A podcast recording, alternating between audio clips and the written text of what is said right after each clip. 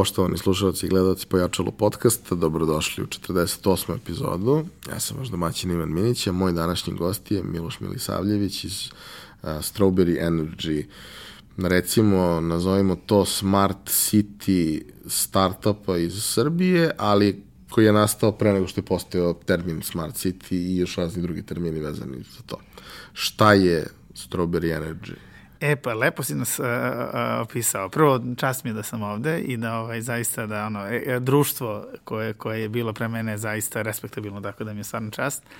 Um, lepo si rekao, Strawberry je Smart City tehnološki startup, tehnološka kompanija koja se, i mi smo fokusirani na razvoj uh, proizvoda i usluga uh, za javne prostore, dakle za gradske javne prostore i to mu dođe nekako najbolji, najbolji način da, da opišemo to, jer zaista ono što radimo i ta naša ambicija koja je dalje na nekih, ne znam, 5% onoga što mi radimo, 5% možda onoga što bi hteli da radimo, ovaj, se baš svodi na to, na, na, na kako da se taj uh, buzzword od koga više počnemo da bežimo, jer se na sve strane pominje, a ništa se ne dešava, smart cities, kako stvarno to može se nešto sprovede u delo, da se nešto konkretno napravi. Uh, i šansa je ogromna. Tako da mi zaista, iako bi možda to deluje onako malo isprazno, kad ti kažeš, ok, mi smo Smart City Tech startup i razvijamo usluge i servise da učinimo grade pametnijim, deluje kao da ne znaš šta radiš.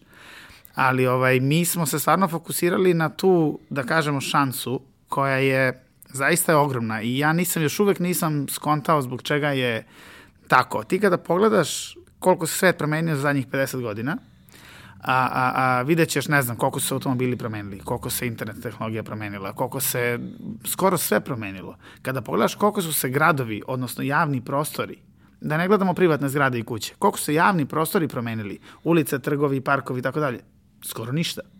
I sad ako još pogledaš neke detalje, kad se zadnji put, mislim, koliko je dugo klupa, klupa, hiljadu godina se nije promenila, koliko se dugo telefonska govornica nije promenila, od, od, od, od početka koliko se dugo lampe nisu promenile, 100 godina. I kao, čekaj bre, svet je otišao u 21. vek, još malo idemo na Mars, a, a telefonske govornice su nam iste kao što su bile pre 100 godina, klupe iste kao što su bile pre 1000 godina, a zauzimaju ogromne prostore, ogromne površine na najprometnijim mestima u gradovima. I to je ekstremno čudan disbalans koji je nekako promakao zajednici ili definitivno preduzetničkoj zajednici. I onda smo mi samo shvatili ok, izgleda neko drugi neće time se bavi, evo mi ćemo. I zaista je ogroman potencijal, jer ti kada pogledaš tu, da kažemo, gradsku infrastrukturu, a to je sve to, dakle, što čini grad, da, spoljne prostore, koji s druge strane su jedina zajednička stvar za 7 milijardi ljudi su naši javni prostori. Sva privatna kuća, za privatna kuća, ali trg, ulica, kampus, to je sve javno. I onda smo se mi fokusirali i zato namjerno se držimo te neke šire definicije, jer, ovaj, jer zaista je tu previše stvari. I sad ono, naravno, da se pogleda da okreneš oko sebe u bilo kom gradu u svetu. Bilo da je ono najnoviji grad neki u Kini koji nije postao pre 20 godina, ili da je ono London, ti ćeš videti autobuske stanice koje su manje više iste, ti ćeš vidjeti telefonske govornice koje su iste, ti ćeš vidjeti kante za smeće koje su manje više iste, ti ćeš vidjeti klupe koje su iste. I to su sve za nas fantastične šanse da učinimo da ti uređaji, da ti, da kažemo, taj, te stvari uh, donesu više vrednosti koje su relevantne u 21. veku. A kada pričamo uopšte o tome da je nešto e, što je bilo glupo, postalo pametno, to u suštini znači da, ne znam, pametni sat uh, nudi više od jedne funkcionalnosti, odnosno nudi mno, mnoštvo funkcionalnosti, yes. ali sa druge strane ono što negde je najvažnije je da je on povezan sa drugim stvarima. Yes. Može da bude nezavisan za sebe, ok, ali može da komunicira sa drugim uređajima yes. i razmenjuje podatke sa njima. I to je negde kroz sve industrije provučeno da pametni frižider može to isto, yes. pametni televizor manje više može to yes. isto. Svi pametni uređaji rade na sličan način. To znači da proizvode neke podatke, da čuvaju neke informacije, odašilju neke informacije, razmenjuju neke informacije da. i onda na osnovu toga nam omogućavaju da neke stvari možda bolje radimo. Tako je. Pametna kanta za smeće zna koliko je ljudi bacilo, ako možda ne zna koliko je puna, a može i da zna i to, to zna prvo, koliko to je ljudi zna. bacilo. Da. I može na osnovu toga da kaže, e, vidi, ovde bi trebalo češće od tri puta nedeljno da se prazni, na primjer. Apsolutno, to je odličan primjer. A, e sad, ono što je triki je što ste vi krenuli time da se bavite u trenutku kad to, mislim, nije na taj način postojalo. Ajde, to će da nam bude drugi deo. Prvi deo odgovora treba da bude uh, kako ste vi uopšte došli na tu ideju, odnosno šta si ti teo da budeš kad porasteš. Mnogo puta sam ljude pitao šta hoće da budu kad porastu, ali to jeste negde dosta bitan e, preduslov za stvari koje su se desile. E, jeste, slažem se. Ovaj, e, pa nisam, e, nije mi dečački san bio sad dečački san, ono, kad sam bio, jel, tri godine. Ovaj, nis, nije mi bio san da imam firmu i da budem tehnološki preduzetnik. Ovaj, iz nekog razloga, i to sam izvalio da je univerzalno, ovaj, ne znam, sam te vozim bager kad sam bio mali. Dobro. Ne znam, zbog, i da budem podobranac. Ovaj, ja još nisam skako iz padobrana. To, to, to su mi najranija sećanja nečega što sam teo da budem. Ovaj, a, a onda sam, ja mislim da je ta neka kombinacija, generalno ja sam, ono, ja volim tehnologiju i odatle potiče, mislim, cela moja, da kažemo, motivacija, jer ja stvarno mislim da, sad ako opet ulazim malo dublje u priču, a, a, a, mislim da tehnologija je ultimativno dobra stvar koja je učinila civilizaciju civilizacijom. Sad naravno pravnici će reći da bez pravnika nema e, civilizacije i fair stvarno poštujem sve, ali na kraju dana mi smo tehnologija, kad kao jel mi ovaj, inženjeri tehnologija je nekako čini mi se uspela da jako puno utiče na poboljšanje kvaliteta života univerzalno, od toga da imamo struju, da možemo da letimo, da ti bude toplo, da možeš se prevezeš bezbedno, da te ne pojede medved kad si u šumi, jer si u kolima i tome slično. Ovaj, tako da ja zaista onako duboko u sebi sam tehnolog, mislim, zaista volim tehnologiju i onda mi je prirodno bilo da se bavim time, ovaj, da, da, da studiram i, ne, ne znam, da idem u elektroškolu i da onda studiram ovaj, elektrotehniku kasnije ovaj, i, i iz tog nekog tehnološkog mog, ono, strasti prema tehnologiji, ovaj, uvek sam gledao šta može još da se radi. I još onda ja sam u srednjoj školi još počeo malo da, da u tim nekim vanškolskim aktivnostima da se zanimam za, za tehnologiju i šta možda napraviš. Tipično ona priča, ono, ajde sad od Lego kockica pa do ne znam malo naprednijih stvari. Ovaj, I i zainteresovao, zainteresovao sam se originalno za obnovljiv izvor energije to je, danas je samo jedna komponenta onoga što radimo, čak i ne glavna da budemo fair. Ovaj, ali priča o Stroberiju nastaje tamo negde recimo u petnici ranih 2000-ih, ovaj, 2000, ne znam, 5. 6. Ovaj, kada, smo, kada sam došao manje više u prvi realni kontakt sa solarnom, solarnim, solarnim panelima, sa solarnom tehnologijom, koja je tad bila i dalje ono Star Wars varijanta. Nisi mogli da vidiš nigde u realnom svetu, svemu po nekom filmu. Ovaj, I, I na, na Digitronu. I eventualno na Digitronu, da. da. I, ovaj, I, na primjer, ono što mi je sad krivo, to, ovaj, ali naravno to, to je manje važno, jel? Uh, snove svako može imati, realizacija je važna. Ovaj, meni je bila isto velika želja, ono što danas Musk fura priču, ono, imamo solarni panel i imaš električni auto i to ti ono, perpetuum mobile as soon as you can get it, jel?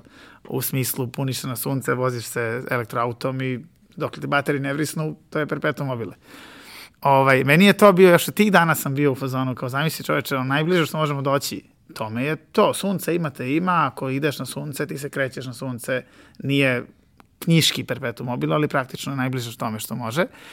Naravno, Musk mi ukrao tu ideju, ali nema veze. Bože moj. Bože moj. Ovaj, e, tako da je počela originalni deo toga i onda mi je bila zanimacija kako da sad mi možemo da iskoristimo sol, e, solarnu tehnologiju. U to vreme onako baš onako da kažemo rani dani, da čak većina ljudi ne zna da postoji, ovaj, da iskoristimo u nekom realnom svakodnevnom obliku, kao, ako ništa drugo, kao edukativnu stvar. Ej, ljudi, ovo postoji, ovo će jednog dana da bude super rešenje za brdo nekih koje kakvih problema, klimatskih, energetskih itd. I onda sam razmišljao da to može se iskoristiti. Bili su preskupi, da bi se bilo šta ozbiljno radilo s njima, da bi napajao kuću, da bi napajao farmu, da bi napajao fabriku, to nije bilo ekonomski isplativo ni u, ni u naznakama. I onda mi je pala na pamet ideja kao, pa šta je mali potrošač? Jedno mali potrošač možda napajaš time. I mali potrošač je telefon.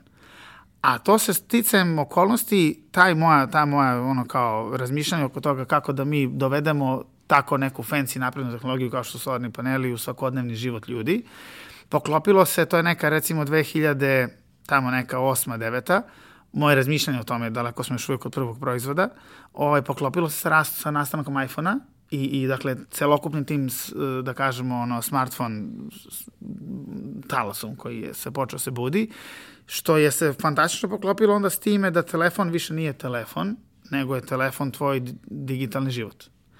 To je, dakle, sa iPhone-om je to nastalo, da tebi su i kalendari i sve. Ti si negde i pre toga, skoro 10 godina prethodnih, imao pametne telefone koji su nadili milion nekih stvari.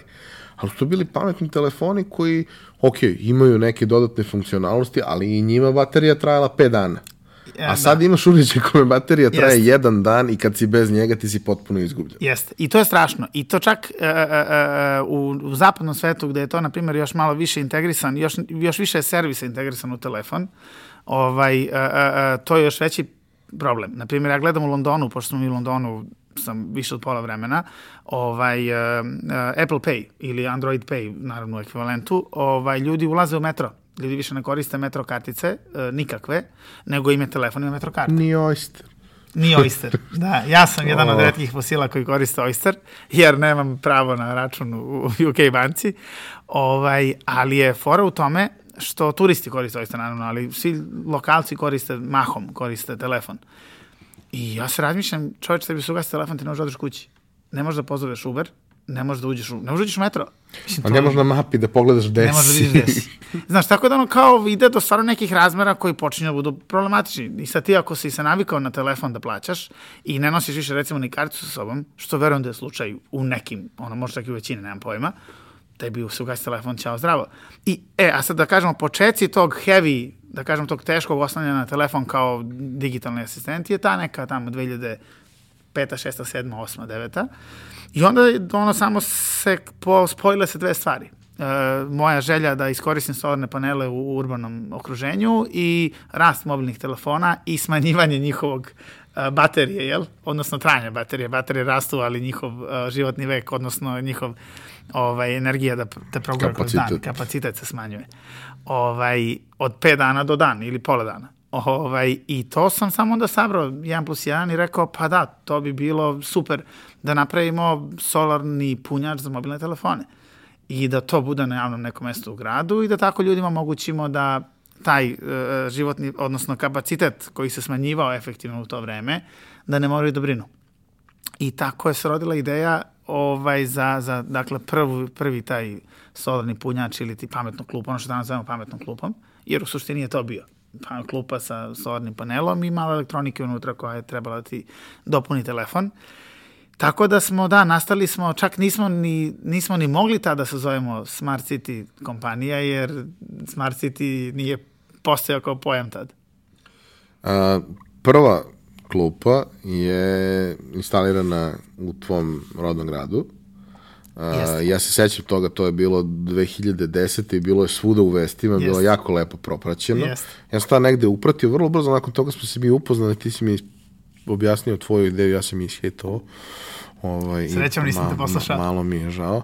Ali e, je jedan moment koji si ti tu meni ispričao, meni bio jako dragocen, a to je što si ti sa jedne strane bio tehnološki entuzijasta, ali sa druge strane si to posmatrao kao bi biznis, nisi Jeste. bio hipik. Da. Jer većina ljudi sa kojima pričaš, a pričaju na te teme, u tom Su- periodu naročito, su potpuni hipici koji ono, idemo, grlimo drveće i pravimo veštačko drve. Ne, ne, ne, ne, ne, ne, ne, ne pravimo ništa tako. Jeste. Ti si to posmatrao kao biznis i evo, sada, koliko, devet godina kasnije, to ima svoju i potvrdu, mislim ima već neko vreme, Da. ali sad, sada zaista. A, e sad, a, kako je to od te prve klupe, koja je, ono, da kažemo, više proof of concept da, to Da. može da se napravi i da Jest, funkcioniše. jest, baš to, da, upravo to. Ovaj, došlo do toga da sad ti to, od toga praviš biznis.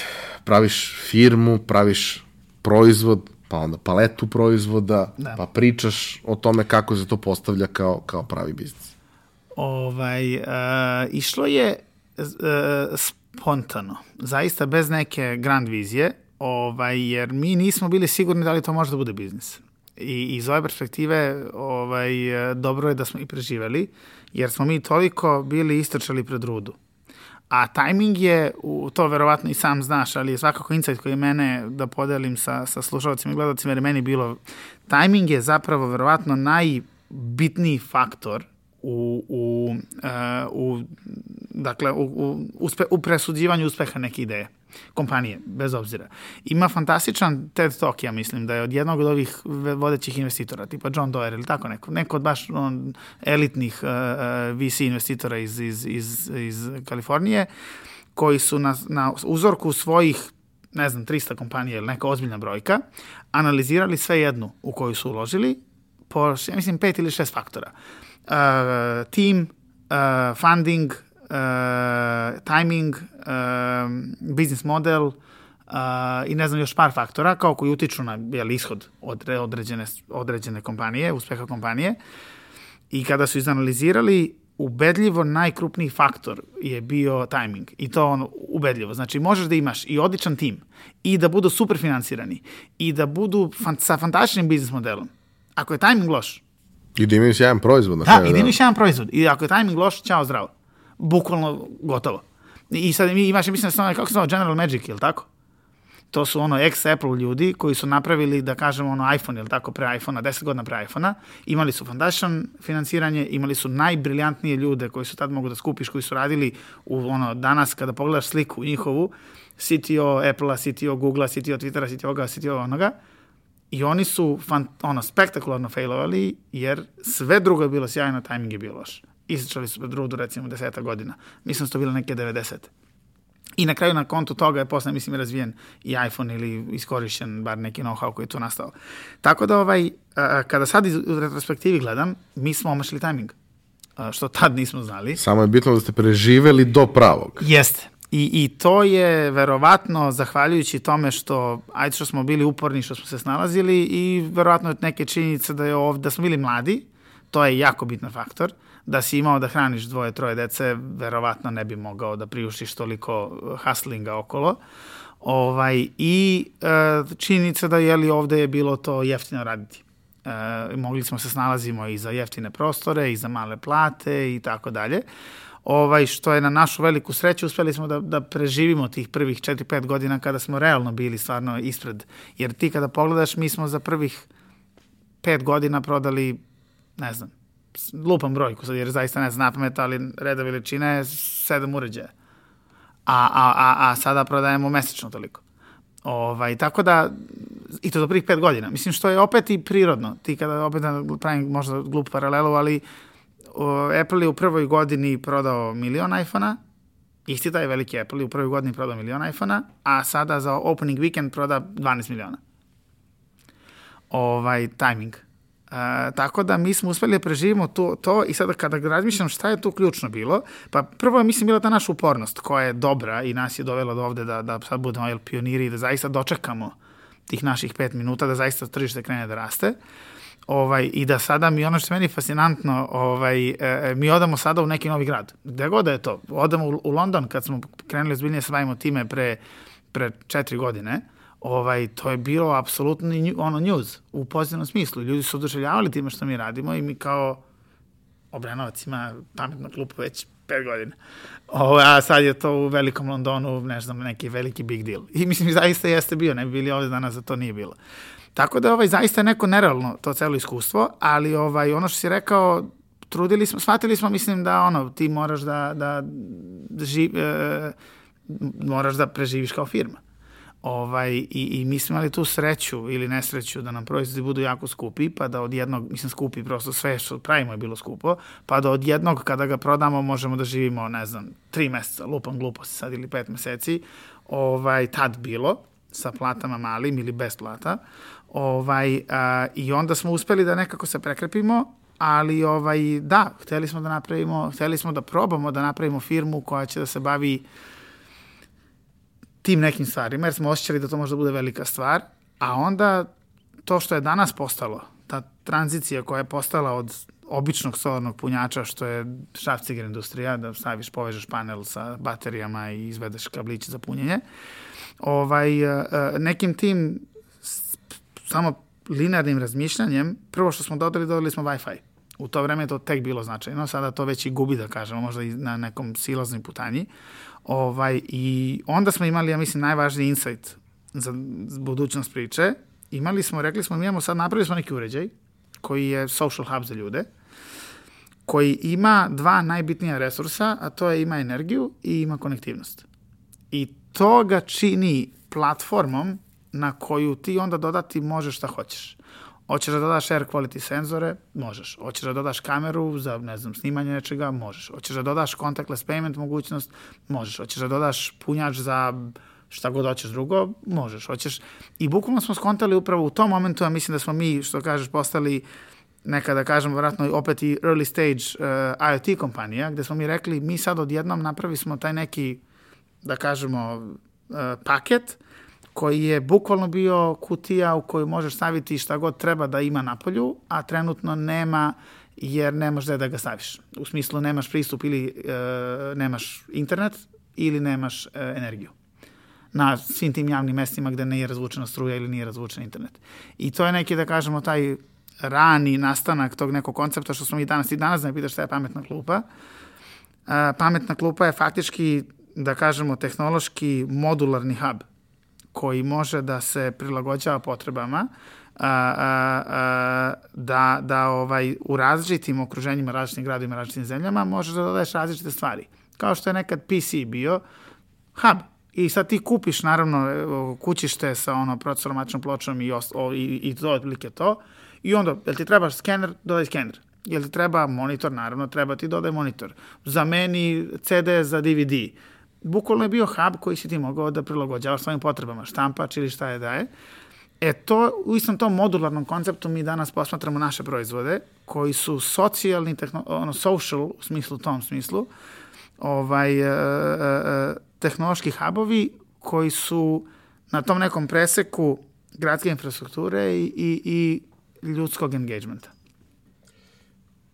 Kako je bilo uh, uopšte u to vreme formulisati šta je to što ti, od čega ti pokušavaš da napraviš biznis i kako je bilo pričati sa potencijalnim kupcima i kasnije investitorima? Ba, bilo je ekstremno teško iz više razloga. Iz ove perspektive sada kada gledam, tad sam, nisam znao, a sam zato to radio. Ovaj, e, e kada se setim stvarno, tada startup isto mislim da je bio jako redka stvar u smislu čak i pojma, ali realno, da si imao neke, ono, ne znam, imaš svega par firmi koje su iz tog perioda da se još uvijek žive, ovaj, nije bilo nikakve infrastrukture za, za bilo kakvo tehnološko preduzetništvo. To i sam znaš. Niti je bilo, mislim, i danas smo mi u dalekom zaostatku za kako bi trebalo da bude, ali ruku na srce sto puta je bolje nego što je bilo. Niti je bilo tada bilo kakvih investitora, niti je bilo, kao ljudi, niti je bilo fondova bilo kakvih, ma koliko mi danas imali jako slabu scenu, ovaj, barem ima nešto, niti je bilo coworking space-ova, niti je bilo, ni, ništa nije bilo. O, bukvalno, barem ili mi nismo znali, ali Beograd je mali, zaista ništa nije bilo. Mi smo, prvi, mi smo ušli u tehnološki, naučno-tehnološki inkubator, ovaj, poslovno-tehnološki inkubator, kako se već zvao u to vreme, ovaj, koji nam je dao neki prostor za džabe i tu neku nazovi ambijent firme, ovaj, u tim ranim danima, jedan, niti je bilo tih nekih treninga, programa, niti, oni su nam recimo dali tada i besplatno računovodstvo i advokata da nam pomogu da osnovimo firmu. I to je bila jedina, mislim, stvar koja je tad bila. Tako da danas je sve to nekako dostupno. I, i, i svest ljudi je na mnogo većem nivou i svest potencijalnih zaposlenih i, i tako da zaista nije bilo ničega od toga i mi smo se uglavnom snalazili ovaj, uh, ono, usa u svoje kljuse. Mi smo prve četiri godine, mislim, nismo imali ni jedan dinar investicije. Uh, veći deo prvih par godina, mislim da uopšte nismo ispocijeli plate. Srećna okolnost je bila da smo bili ili studenti još uvek, ili tek ono, da kažemo, skorašnjo ono, diplomirani studenti. Tako da smo mogli još uvek da malo piggybackujemo na, ovaj, na tome da ne radiš, da ono radiš da bi sutra imao. I prva, da budemo fair, prva ta neka institucionalizacija nas kao firme je nastala kada smo dobili u prvom pozivu Fond za inovacijnu delatnost. I mi smo, mislim, bili firma koja je najmanji grant dobila, jer smo najmanje para tražili od svih drugih koji su u tom pozivu dobili. I to je bio besplatan, e, besplatna ona, mislim, to se zvalo tada, ovaj, imao si e, mini grants i matching grants. To i dan danas, mislim, postoji još uvek. I mi smo dobili nekih, ja mislim, 50.000 evra tad uh, sredstava od inovacijonog fonda, koji su bili neke, mislim, pare Svetske banke. I to je imalo dosta presudan utjecaj na nas da nas su ozbili kao firmu. Prvo, te pare nisi dobio kao što dobiješ od investitora. Ti ih da na kamari pa ti troši kako hoćeš. To je bilo onako baš školski si morao da napišeš u, u budžet planu sve jedan trošak u dinar i kad se šta plaća i morao si onda samo tako namjenski trošiš. Dakle, nije bilo ono što je danas, što ja mislim da je i to nas je malo naučilo planiranju, malo nas je naučilo nekoj disciplini, jer su nam davali pare na kašičicu i ozbiljno proveravali svaki dinar utrošen. U smislu nije, nije nula fleksibilnosti s tim parama.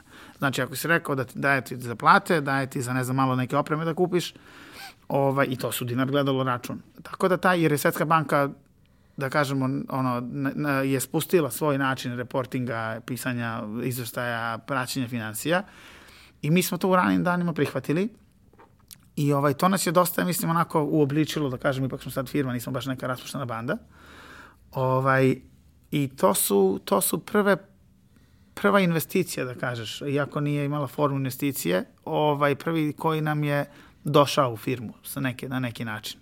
I tad smo, mislim, se i formalno pozapošljavali, u, u smislu formalizovali celu tu priču i od tad smo, od tad smo firma, zapravo, u realnom smislu reči. Pre toga smo bili, ne znam, entuzijasti. Ovaj, grupa građana. Grupa građana, da. ovaj, čak i formalno, ja mislim. Ovaj, e, I dugo je vremena prošlo dok nismo otišli u Leven i uzeli prvu investiciju i ušli u taj danas standardan, tada i relativno inovativan danas standardan, taj, da kažemo, startup ekosistem. Pre toga smo bili bukvalno ono, firma. Kada ste došli do prvih investitora i e, toga je bilo nekoliko kroz vreme, nekoliko ciklusa. Yes. I svaki od njih verujem da je bio veoma zanimljivo iskustvo učenja, jer u principu nisi imao gde da nađeš informaciju o tome kako to zapravo funkcioniše dok se ne setneš sa tim. Tu i tamo mogo je neko da ti kaže nešto, ali to sve dok ne proživiš nije Jest. prosto to. Uh, kako je to iz vašeg ugla izgledalo od prvog do, do narednih? Šta, šta su neki ono da sada možeš da posavetuješ sebe od tada, šta bi rekao, osim činjenice da nemoj to da radiš, ne treba ti to u životu i to... Ne, ne, ne, ne, ne, ne bi ne, to ne sebi bi to rekao. Ne bi to sebi rekao. Ovaj, uh, mislim da... izdrži. da, da, da, ne, mislim da uh, iz ove perspektive sad naravno znam, ali generalno ono što još uvek ja mislim da, da, da se ono, trudim da, da naučim bolje je vreme je najkritičniji faktor. Mora brzo da se radi. I, i mora, uh, to ja mislim nama možda ni u mentalitetu našem, a, ovaj, a čak onda ni ono, naravno, i, i, i u biznisu ovaj, nije ta neka... Vreme je novac u, u, u, i sam znaš, u kompanijskom svetu i bukvalno. Ti svakog mesa moraš da plate. I to je realan novac. I tebi je svaki dan novac. I mi smo izgubili u tom, ako tim, tim očima gledaš, mi smo mnogo novca izgubili. Jer smo mnogo nekih stvari smo duže radili nego što treba, mnogo smo gubili vreme na gluposti. Moj najveći savet samom sebi, a i to sada zaista kada pričam sa nekim onom mlađim e, preduzetnicima, ne nužno mlađim ljudima, ovaj, i dalje vidim da oni ne shvataju taj koncept, koliko je vreme, koliko je trka sa vremenom najgora trka. Jer ti ćeš bankrotirati nekad zašto imaš sranje proizvod, ili nezreo ili tako dalje, ali najčešće ćeš zbog cash flowa, propadaju firme zbog cash flowa, velike, a kamoli male. Ovaj, a cash flow... Ono, u, u igrici, možda si ti stigao daleko, ali ti je steklo vreme. Jeste, upravo to. E, baš to. Tako da ovaj tako da a, a, samo bih se samo bih se savetovao da se puno ubrzam i da shvatim da je vreme zapravo najkritičniji resurs koji imaš, ništa drugo nije toliko. Ovaj a mi smo tako da ubrzo bi stvari. U tom smislu ne bi ovaj sve što treba da radimo ubrzali bi i ovaj a, mi smo prvu investiciju dobili od Elevena I, I mi smo tada bili čudna u čudnoj poziciji i to je bilo malo je bilo kisa ukus jer je novo što kažeš i nismo ovaj nismo znali ranije šta će da kako će da izgleda.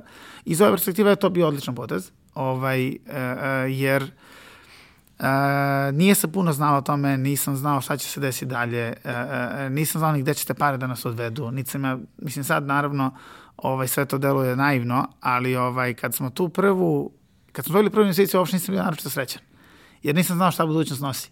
U smislu šta će sad da radi ti ljudi s nama.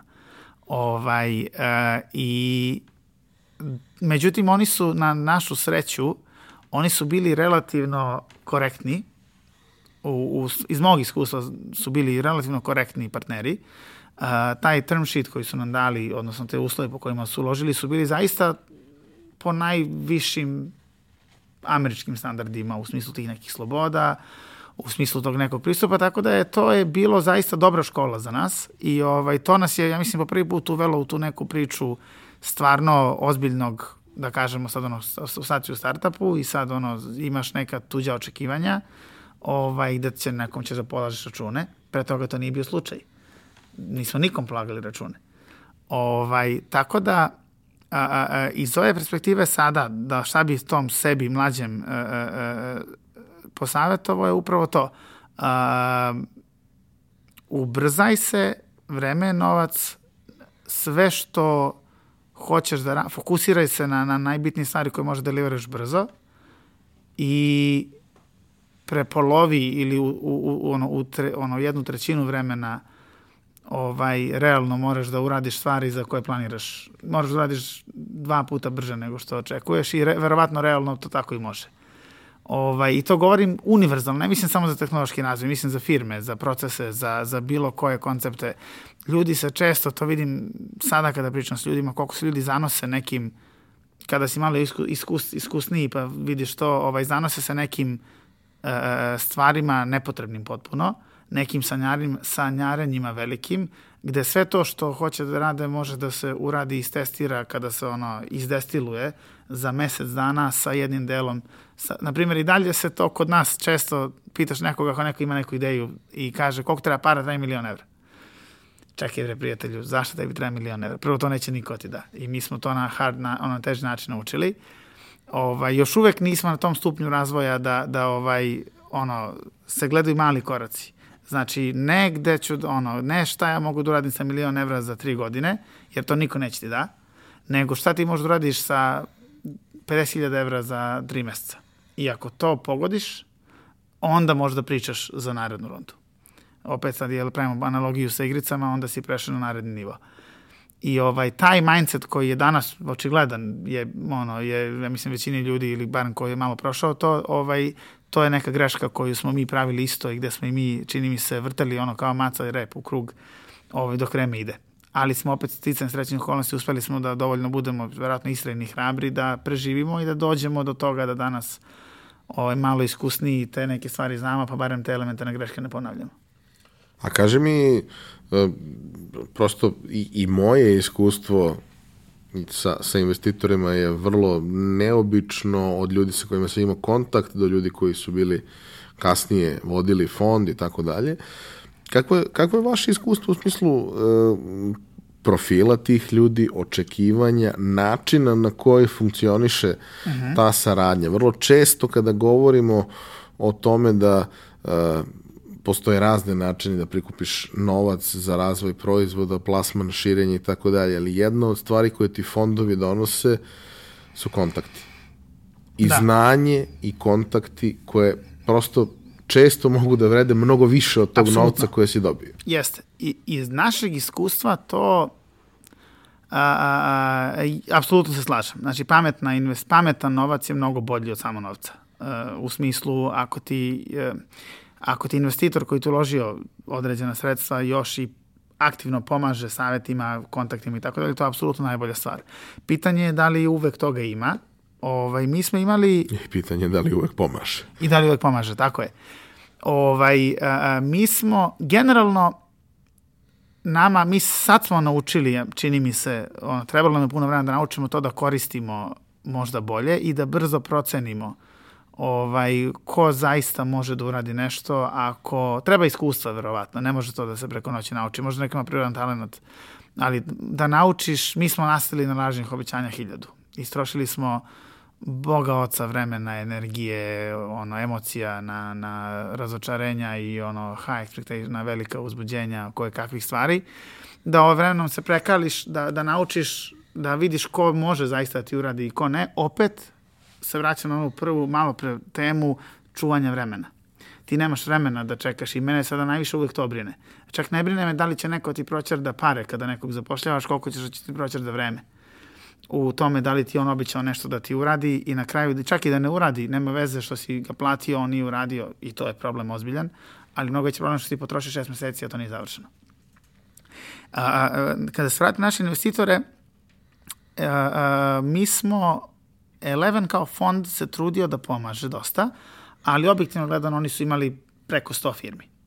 115 ili se nećem tačno koliko je bilo u njihovom ukupnom portfoliju, tako da njihov, njihova količina pažnje koju su mogli da posete jednoj firmi je relativno mala. Tako da ovaj, e, e, e, tu smo shvatili da imamo mi njih za neki savet i to je dobra stvar, ali da će neko drugi da radi za nas, u smislu da nešto aktivno pomaže, to nije bio slučaj. A, a, barem u tim ranim danima, dok i mi nismo malo naučili da to upravljamo time.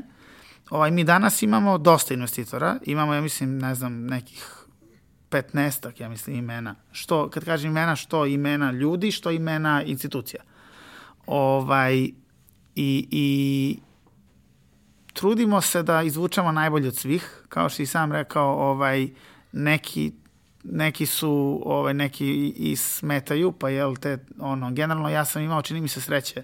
Ja stvarno nisam imao nikada neke velike probleme sa investitorima. Ovaj za sad, nadam se da neće da će tako i ostati. Ovaj ali smo imali investitore koji su bili samo investitori, znači dali su nam novac i rekli to što vi radite nam se dopada, verujemo u to, ono srećno i ono nadamo se da će da ono budete uspešni. I to je okej. Okay Ovaj, I ima, imamo, i ima, imamo i dalje, normalno, imali smo ovaj, neke investitore koji su zaista bili radi da pored novca ulože i znanje, i vreme, i energiju, i kontakte, i to su idealni investitori. I sad, da ne bi sad davao ono suvišna saveta, naravno da je najbolje imati idealne investitore, ako možeš da ih imaš, u smislu takve, ali mi smo uzimali šta smo mogli, šta, šta nam se davalo i imali smo koliko Opet god... zbog vremena. Zbog vremena, da. Mi smo svaki put, ono što je dobro, ovaj, e, e, dobra stvar, svaki put nas je ta investicija izvlačila iz nekog debelog minusa. U smislu, tajming nam je bio e, cehnut. Ali smo imali, da li je sad to sreća prati hrabre ili pitaj Boga, nemam pojma šta je, ali ovaj, e, e, e iako smo uradili u ceknutu u zadnjem momentu svaki put se izvlačili, imali smo sreću da stvarno ne, ne, ne naletimo ni na jednu nagaznu minu uh, koja je eksplodirala i da nam napravi neki veliki problem. Tako da ovaj, imali smo dali malo sreće, malo intuicije, dobre, ne znam ni sam šta je, ali ovaj, zaista, smo, iako smo, što je ono greška, čekali zadnji moment da dogori do nokata pa da se vadimo i, na taj način spašavamo, ovaj, uh, i radili smo to pod pritiskom kada realno ne možeš mnogo da biraš, radiš čim imaš, mi smo uspeli da nekako i tu se provučemo u smislu dobro da ovaj iako smo čekali zadnji moment e, da smo imali zaista izvukli dobre investitore. Dobre u smislu konstruktivne ili pasivne ili konstruktivne. Nismo barem iz mog iskustva znajući da neki drugi kolege jel neke druge su imale svakako iskustva ovaj, mi nismo, uspeli smo da, jel, ovaj, da, da možda izbegnemo neke loše investitore i da kažemo ne u nekim momentima ili da čak samo ni ne, ni ne krenemo ono, ni taj put. Tako da smo završili sa relativno stvarno dobrim investitorima gde su ili, ili su ono nula pozitivna ili su pozitivna. A kaži mi koliko vam je zakomplikovalo situaciju činjenica da ste ovdašnja firma? Eh, sad da si me to pitao pre godinu dana, rekao bih ti ništa ili malo, a obzirom da smo zadnjih godinu dana se baš propatili sa tim nekim e, stvarima, e, a, for, govorim pravno administrativno, ne govorim o mentalitetu i o drugim stvarima koji isto imaju uticaj, ovaj, e, e, baš smo se napatili. I, i, i nažalost, iako se mi trudimo da ono imamo neku zdravu dozu patriotizma, ne lupamo se baš sad ono pesnicama u grudi, ali se stvarno smo ponosni na to dakle smo i trudimo se da to u najboljem svetlu pokažemo. Ovaj, to nije uvek nužno dobra stvar. Mi smo sad recimo imali smo, pošto smo mi umeđu vremenu postali engleska firma, u smislu zbog većine investitora koji su barem inostrani bili, ovaj, svi su hteli da ulože u neku zemlju gde poznaju pravila. Naravno, Srbija je mala zemlja sa ono i čak i tu ni mi ne poznajemo pravila. Ni mi ne znamo pravila, ovaj naročito neki strani investitor, onda smo bili prinuđeni da odemo u zemlju gde se pravila igre znaju. Mi smo od sticam okolnosti smo odabrali englesku i onda smo tamo odlučili da napravimo centralnu firmu koja je vlasnik srpske firme. tako da de facto je to, mi smo i dalje operativno gledano srpska firma, nama je ovde 15 zaposlenih full time, ovaj, ali nam je glavna, da kažemo, firma u Engleskoj i zbog to i činjenica da smo originalno srpska firma i da nam je ovaj da smo ono osniva da da, da ono veći veći deo kapitala odnosno equitya iz Srbije, vlasništvo iz Srbije nam je poprilično nas izmaltretirala, jer su nas nešto Englezi bili ovaj uzeli da mlate zbog toga što smo uh, iz Srbije, jer je Srbija bila na nekoj crnoj listi financijske, financijske kontrole policije zbog ne znam čega, da ne ulazimo u te detalje, da ne gušimo ljude. Ovaj, bio nam je blokiran račun, zabili su nam zamrzli mnogo novca ovaj, na tom računu gde mi nismo hteli da ga šalju za Srbiju a, pa su nam onda na kraju ugasili račun u banci u Engleskoj, pa smo morali prebacujemo to u drugi. Prva polovina, znači kraj prošle godine i veći deo ove godine, znači više od pola ove godine, ono, naš management tim i uključujući par nekih, da kažemo, eksternih, ono što investitora, što saradnika, savjetnika, smo mnogo vremena energije potrošili ispravljajući krive drine oko toga. Uspeli smo to da rešimo, u sticam okolnosti, e, e, čak je, pred, kad smo i mi uspeli da se izborimo s tim, i Srbija je paralelno s tim skinuta s te liste. Bolje ikad. timing, to, timing, timing. opet timing. Ovaj, tako da to što smo iz Srbije nam je, iz, administrativno nas je izmlatilo. S druge strane, mi smo uh, hardverska firma. To je najveći nivo kompleksnosti, naravno svaka mi njegova muka najveća i ja to poštujem, ali ono, kako, koliko god se trudim da objektivizujem, ovaj, e, e, svaka, s, s, bilo, koja, bilo, kojoj kompaniji, bilo kojoj kompaniji je teško. Moraš da razviješ proizvod, moraš da brineš o ljudima, moraš da brineš o konkurenciji i tako dalje. I to je zajedničko za sve. Onda sad, međutim, jeli, ovaj, nisu svi, ovaj, nije svima podjednako komplikovano. Ono, ti kada si generalno hardware kompanija malo je teže nego kad si software kompanija, zbog, te, zbog malo većih troškova, zbog... Zbog hardvera. Zbog hardvera, zbog ovaj, fizičkih stvari. E sad onda i kad uđeš, kada sad to je opšte prihvaćeno, da je hardware težak, niti investitori hoće da ulaže ili do skoro nisu da ulažu u hardware, ovaj, onda s druge strane, čak i kada uđeš u hardware, nisu svi isti. Imaš recimo consumer hardware, Ovaj, e, e, dakle, bilo šta što ti treba da dizajniraš, da osmisliš, da napraviš i onda ćeš da okačiš na Amazon da se prodaje, da se pravi u Kini, da ti to što si ti dizajnirao da tamo štancuju na kilo i na hiljade komada i da prodaješ na Amazonu, to je i dalje hardware i teže je, ali je mnogo sličnije softveru. Da ti kad završiš dizajn toga, to tamo neki ovaj, patuljci naprave. Outsourcuješ kompletno. Outsourcuješ i doviđenja. A onda mi upadamo, nažalost, ili na sreću, vreme će kazati, ovaj, upadamo, čak nismo ni tu. mi smo taj neki infrastructure hardware koji je najcrniji mogući, najteži mogući, jer je sve nam je skupo, na svaki uređaj ima 600 kila, sve mora da se preveze odavde, evo sad šaljemo uh, 10 klupa za Australiju, to ide avionom, naš shipping košta ko trećina uređaja, u datom slučaju, jer je vrlo hitno nešto da avionom ovaj, imaš carine, imaš dobavljače, imaš, mislim, zaista je kompleksno, sad bez šalu na stranu. I pored toga što imaš i dalje sve izazove koje ima softverska kompanija, i sa konkurencijom, i sa ljudima, i sa platama, i sa svim tim stvarima, imaš tonu još drugih stvari. Ovaj, tako da, tako da ovaj, e onda činjenica recimo ako si hardware kompanija pa još u Srbiji, što znači nisi u Europskoj uniji, ne pomaže, na primjer, mi šta god izvozimo moramo da se mlatimo sa carinskom dokumentacijom, sa papirologijom, da dokazujemo poreklo robe. I što uvozite. Što uvozimo isto tako. Ovaj, tako da ima zaista puno problema koji su ipak, jer mi smo dokaz da su rešivi, naravno to nam zagorčava život puno, ali rešivi su. Ovaj, ali s druge strane, sad da ne budemo potpuni kritičari, jer nikad nije baš niti crno, niti belo. Ja nisam ništa u životu vidio da je baš ili crno ili belo, uglavnom je nešto sivo. Ovaj, ima i prednosti. To što smo ovde, e, sad čisto da ono, da, ona, ona positive side, ovaj, to što smo ovde znači da su nam troškovi mnogo manji nego što bi u Londonu bili. Moja firma u Londonu bi koštala pet puta više ljudi koje imam bi pet puta više koštali.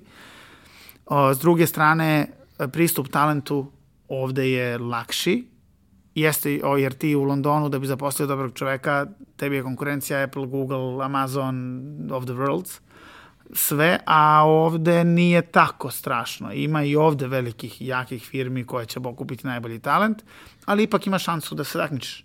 U Londonu nemaš. Tako da ovaj, ima zaista i pozitivnih strana toga što smo ovde i mi se stvarno trudimo da budemo racionalni oko toga i da izvlačimo najbolje iz svega što imamo. To što smo u Srbiji ima prednosti, to ćemo onako ozbiljno da iskoristimo.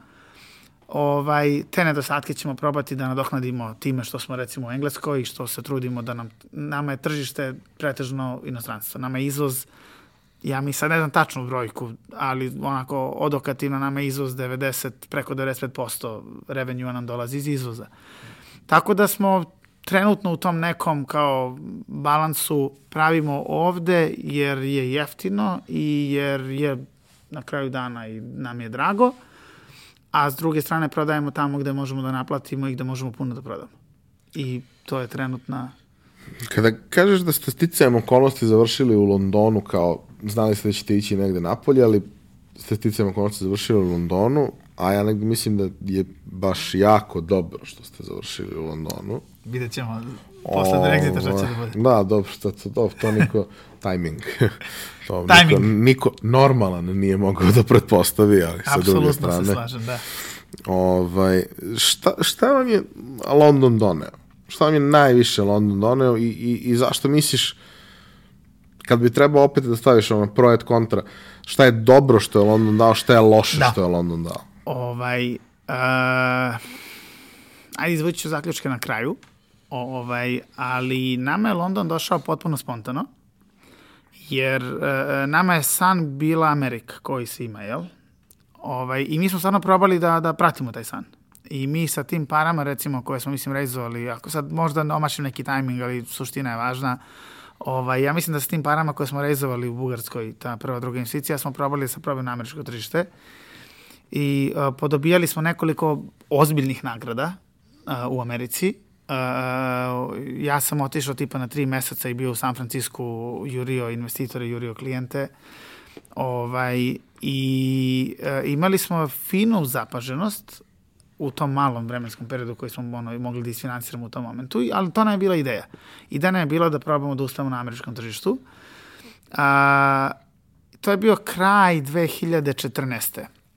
I onda smo bukvalno potpuno spontano dobijemo od investitora, eto, eto ipak da, da, ovaj, da, da, da dam i konkretan primjer, od investitora iz Bugarske, dobijemo bukvalno informaciju, uh, evo ima neki Smart City, i to je, ja mislim, prvi na svetu Smart City akcelerator koji se desio, ili bilo šta na tako temu Smart City-a.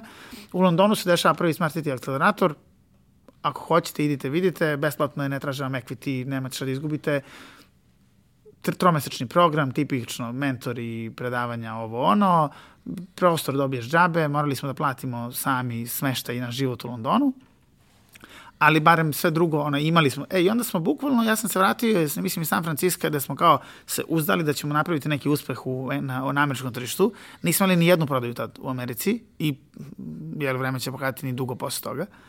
Ovaj, i, I to je sve bilo daleko je, skupo je, mi ne znamo dovoljno mentalitet tamo. Iz našeg iskustva to nije, na prvo paljenje nije kliknulo. Ovaj, I uporedo s tim se desio taj London kao čisto eksperiment. I bili smo, ok, potrošit ćemo, ne znam, 10.000 evra na tu zajebanciju da odemo tamo da probamo da li nešto može se uradi. Prvi je akcelerator smatrati na svetu, mi smo startili te kompanije, tad smo već to znali ajde da vidimo, možda dobijemo nekog klijenta, možda nešto uradimo. I otišli smo bukvalno sa onako dobrom voljom i ne znajući šta da očekujemo. I ovaj, i, i bukvalno ja sećam, mislim da je u martu 2015. sam ja prvi put kročio u London. Čak mi nije neka privatna želja bila da London nešto mi nije bio naročito, ovaj, naročita želja u životu. Tako da smo otišli namenski baš zbog biznisa i nakon ta tri meseca, to je naravno, program je bio ništa spektakularno u samom smislu programa, ali šansa da smo tamo i da imamo pristup, da možemo da jurcamo te ljude okolo. Nije nam niko ništa na tacni dao. Ovaj, mi smo uspeli, bukvalno u zadnjoj, ono, u foto finishu smo uspeli da napravimo prvi sales, da prodamo ogrom, Canary Wharf um, imanju. To je kao Airport City, samo veće 200 puta. Ovaj, I uspeli smo, oni su bili organizatori tog Smart City programa, kao velika real estate kompanija. I, ovaj, I uspeli smo njih da šarmiramo otprilike i da prodamo uh, prvu poručbinu, a mislimo četiri klube koje uzgred, budi rečeno, tada nisu ni postojale. Mi smo otišli u London sa strawberry drvetom kao proizvodom, koji je bio jako lep i impresivan, ali preskup, prekomplikovan za proizvodnju, prekomplikovan za transport, uh, prekomplikovan za instalaciju, baš jedan Frankenstein onako velikog. I dalje je on nama drag, ali je to jedan neskalabilan proizvod potpuno. I, ovaj, i mi smo njima to ponudili. I oni su rekli, mi ovo nemamo da ja stavimo.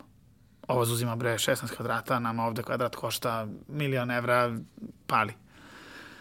I onda smo mi rekli, i bukvalno smo se mi nadali, mi smo se nadali da ćemo to prodati, videli smo to, toga nema šanse i u zadnjem, ja mislim da je ono bukvalno sad malo filmski ispada, ali stvarno je bilo tako, ja mislim da smo mi u ponedeljak imali prezentaciju, finalnu, gde kao ono se bira, hoće li nešto da se, da kupe nešto, neće kupe, da vrate kući bez ičega. Mi smo, mislim, u petak taskovali našeg dizajnera uh, da, da izađe sa konceptom klupe, manjeg uređaja, koji će da ima slične funkcionalnosti kao i drvo, ali u sto puta manjoj formi. Ono, met, pola metra puta dva metra, mislim, ili nešto što je obična klupa, što možda uspemo da proguramo ovamo.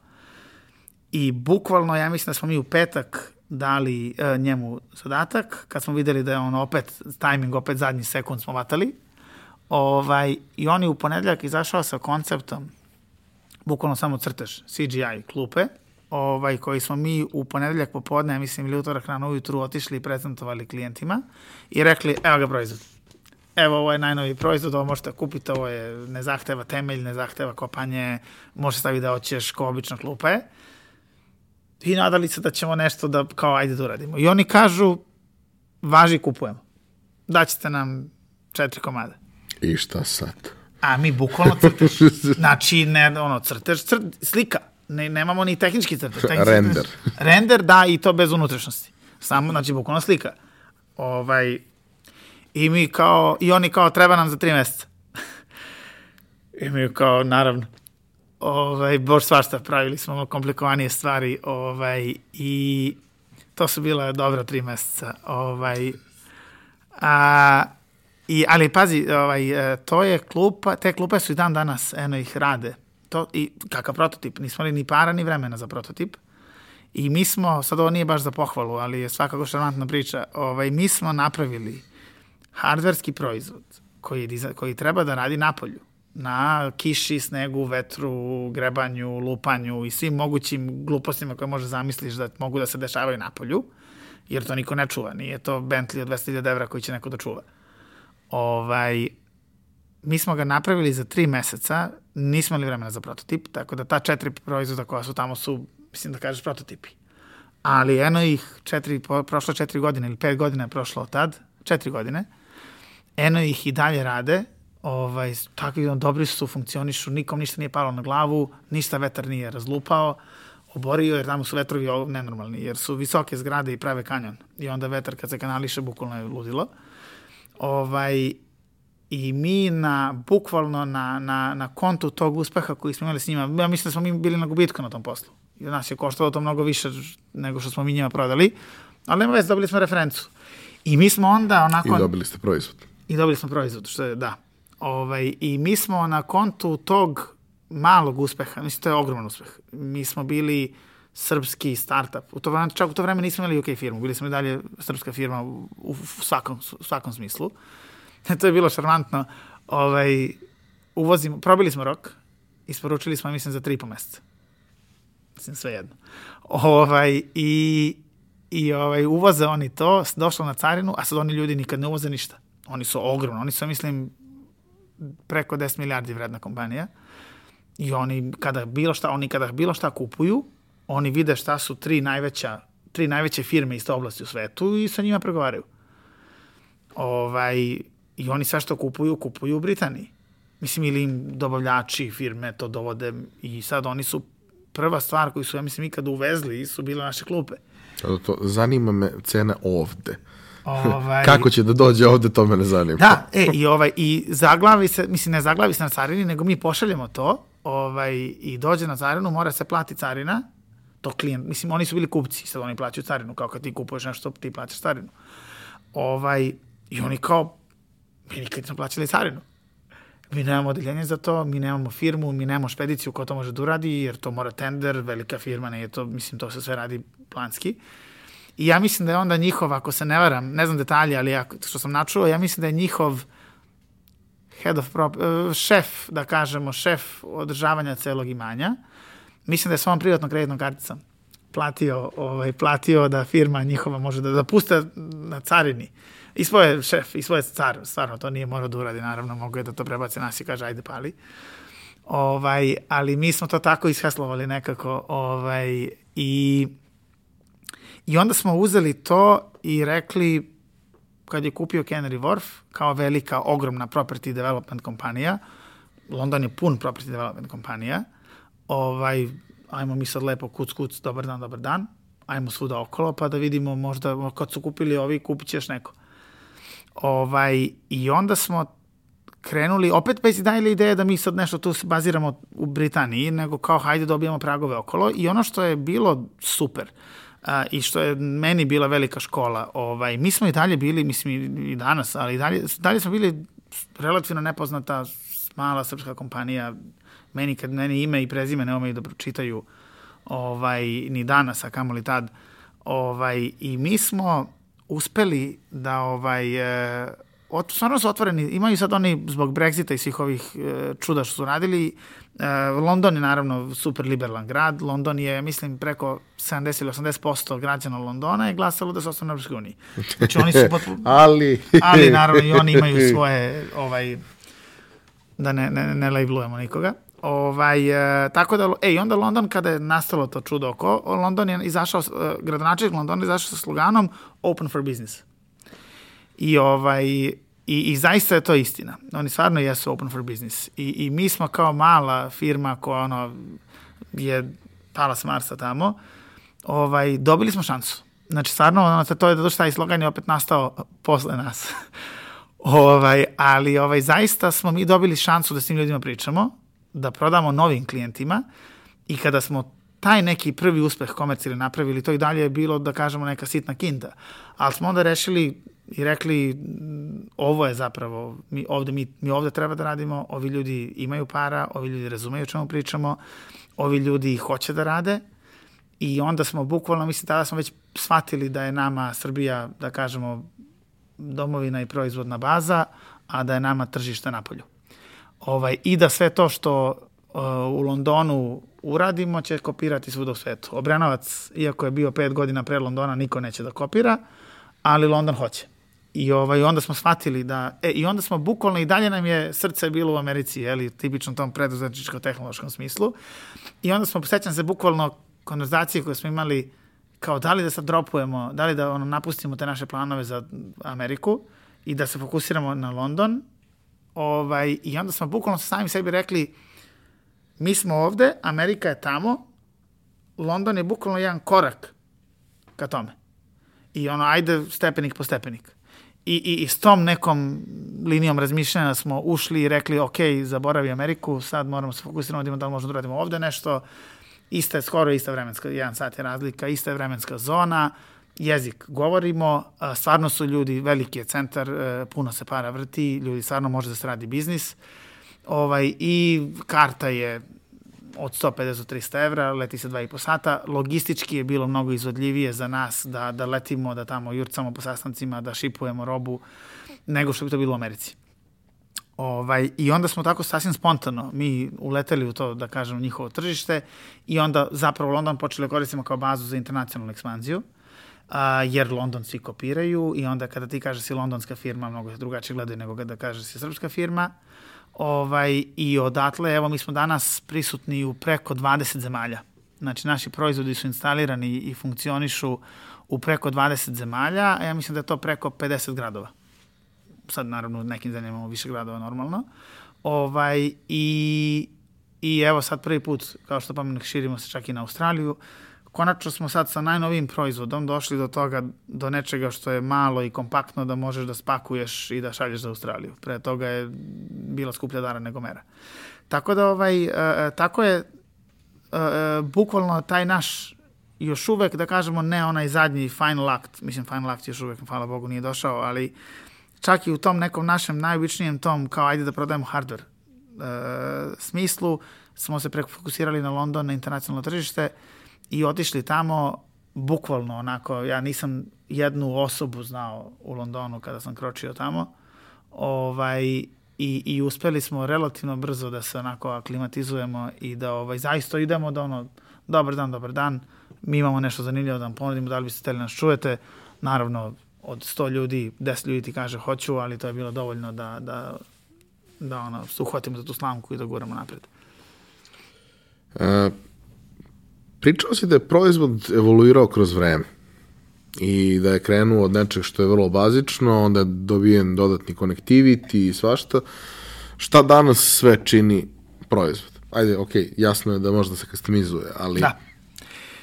A, pa ovako, sad, mislim, mi sada kre, još uvek se držimo, a, nama, nas ljudi često pitaju kao šta ćete novo praviti. Jer mi imamo tu, ne, ono, ljudi nas zaželjavaju kao smo mi sad izmislili solarni punjač za telefona i sad šta ćeš novo da izmisliš kao da je to nešto što se radi tako za tri, tri i po meseca. Ovaj, e, međutim, mi smo i dalje fokusirani, kada ti, realno kada pogledaš, mi smo dalje fokusirani na klupe, jer klupa je koncept u stvari. Klupa je... Zašto je klupa značajna? To je recimo još jedna zanimljiva stvar. E, zašto mi nismo uzeli da radimo recimo, e, mi smo mogli masu ovih stvari da radimo i sa e, ovim e, uličnim osvetljenjem. Čak tu čak ima struju. Mogu si čak i više stvari da radiš. Mi smo limitirani solarom sve vreme. Ovaj, Međutim, klupe su socijalno mesto, mesto druženja. Ti na klupu ideš da sedneš da čitaš novine, ideš da pričaš s čovjekom, ideš da jedeš sandvič, ideš da uh, radiš stvari. Ljudi, ima, klub ima fantastičan socijalni potencijal. Socijalni smislu tog socijalnog engagementa. I, ovaj, I mi smo zato toliko onako ozbiljno iza tog koncepta pametne glupe, jer je to jedina stvar da kada malo bolje pogledaš šta se oko tebe nalazi u gradu, gde je taj presek infrastrukture i, i socijalnog engagementa, ljudi. Jer ovaj, mi sve što radimo od prvog dana, ovaj, mi dizajniramo po, za potrebe ljudi. I zaista smo sve vreme smo to, to radili. Do duša nekad možda ispravno, nekad neispravno. Ali uvek smo gledali ovo, mi što pravimo proizvod pravimo za ljude. I gledamo da ljudima olakšamo, omogućimo što više možemo. I to nam uvijek bila zvezda vodilja. Zaista u svom dizajnu, u svim razvojima, product developmentu, u svemu. Ovaj, I, I zbog toga smo se toliko dugo i zadržali na klupu. Mi sada krećemo da razvijemo i mm, autobuske, pametne autobuska stajališta i telefonske govornice i svašta nešto u tom da širimo portfolio, evo, posle 8 godina. Ovaj, ali i dalje je klupa je, da, dakle, taj neki potencijal gde ti imaš ljude. Da, svakog dana milijarde ljudi sede na klupama svaki dan, iako ne rade ništa. Sem što ono, ti postoje. postoje. I zauzimaju vrlo važan real estate. Ti ih imaš i u Oxford Streetu i na Times Square-u i ono, gde god hoćeš ti ih imaš i one zauzimaju to parče zemlje, a ne rade ništa spektakularno pametno. Mada je vrlo korisno da imaš da da sedneš. Da, da, apsolutno. Ali je suština, treba da imaš da ja sedneš, ali kada već zauzimaš to mesto, tu Šta možeš, još može? svašta tu može da se uradi. Ovaj, I to je taj naš kao glavni, glavni potencijal koji mi, ono kao dragulj koji dalje iz nekog razloga ili smo mi jel, ludi ili dalje mnogo ljudi ne vidi. Uh, Ovaj, e, i sad šta je pametna klupa? Pametna klupa je bukvalno koncept tog nekog, e, kao što rekoh malo pre, e, e, socijalnog tehnološkog huba, koji u svojoj osnovi daje tri stvari. Ono kako smo mi to kada moramo negde da pišemo, pa ovaj, daje pristup energiji, pristup konektivnosti i relevantnim lokalnim informacijama. To su tri glavne vrednosti koje mi smo kao razmišljali šta to modernom čovjeku treba. I to su te tri stvari. I sad onda smo, recimo, uh, uh, igrali smo sa, sa svakim nekim zanimljivim dodacima. Uh, dodavali smo, recimo, to je bilo baš zanimljivo i to je super odjeknulo u Engleskoj. Imali smo ono super tonu nekog i BBC coverage-a i svega. Ovaj, dodali smo modul za beskontaktno plaćanje na klupu pre dve godine još gde smo omogućili da kogod, kogod hoće donira novac u dobrotvorne svrhe jer je to u Engleskoj jako veliki biznis. Mislim, biznis, nije biznis, ali jako je velika kultura tih donacija. Ima ogroman broj tih charity oni što zovu charity, što je otprilike humanitarna organizacija, dobrotvorna organizacija, gde ovaj, se bave svačim.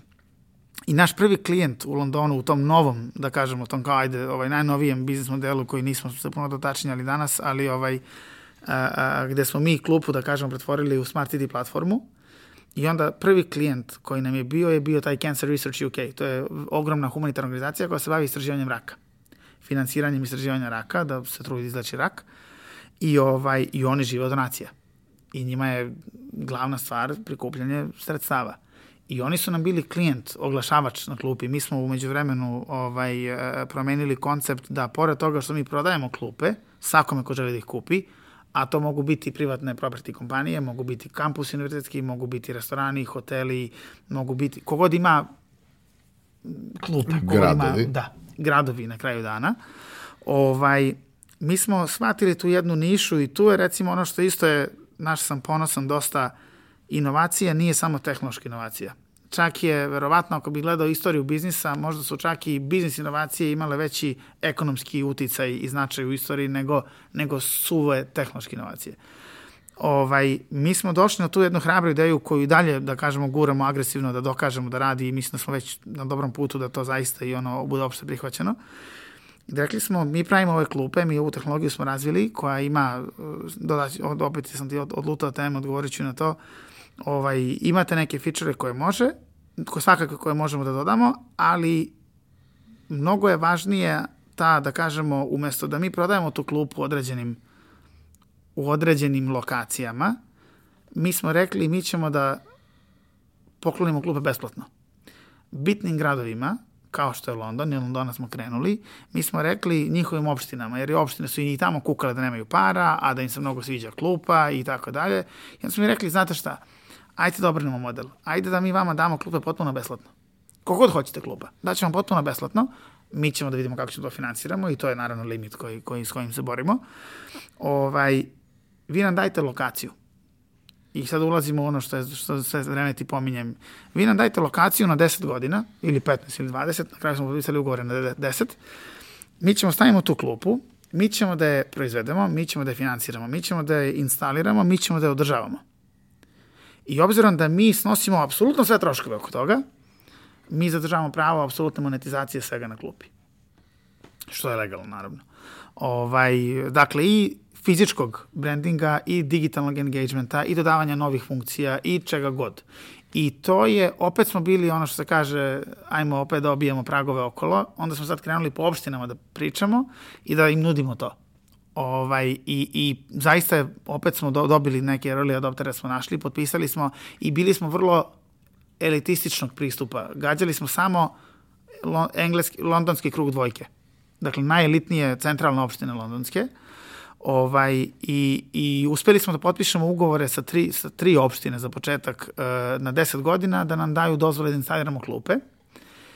I onda u tom kontekstu prvi klijent, uh, kada smo mi lancirali klupe, glavna ideja nam je bila za short term uh, advertising. Dakle, ono, mi ćemo da prodamo, mi ćemo klupe da postavimo u našem trošku, onda ćemo da naplaćujemo brendovima branding klupe. Uh, I fizički, i digitalni kroz Wi-Fi i, i ostale bilo koje inovativne stvari koje dodamo na klupu. I prvi klijent u tom smislu, malo prepomenuh, je bio Cancer Research. Oni su prvi kao brand došli i rekli mi bismo da koristimo vaše klupe kao, da kažemo, taj neki medijum za komunikaciju s ljudima, između ostalog, pored billboarda i ostalih stvari. I onda, smo, onda su oni rekli šta mi još možemo da uradimo s što možemo da nalep, nalepimo klupu. I mi smo rekli, I to je ono nama bilo jako važno da dokažemo ljudima šta je pametna klupa. Da pametna klupa nije punjač za telefone.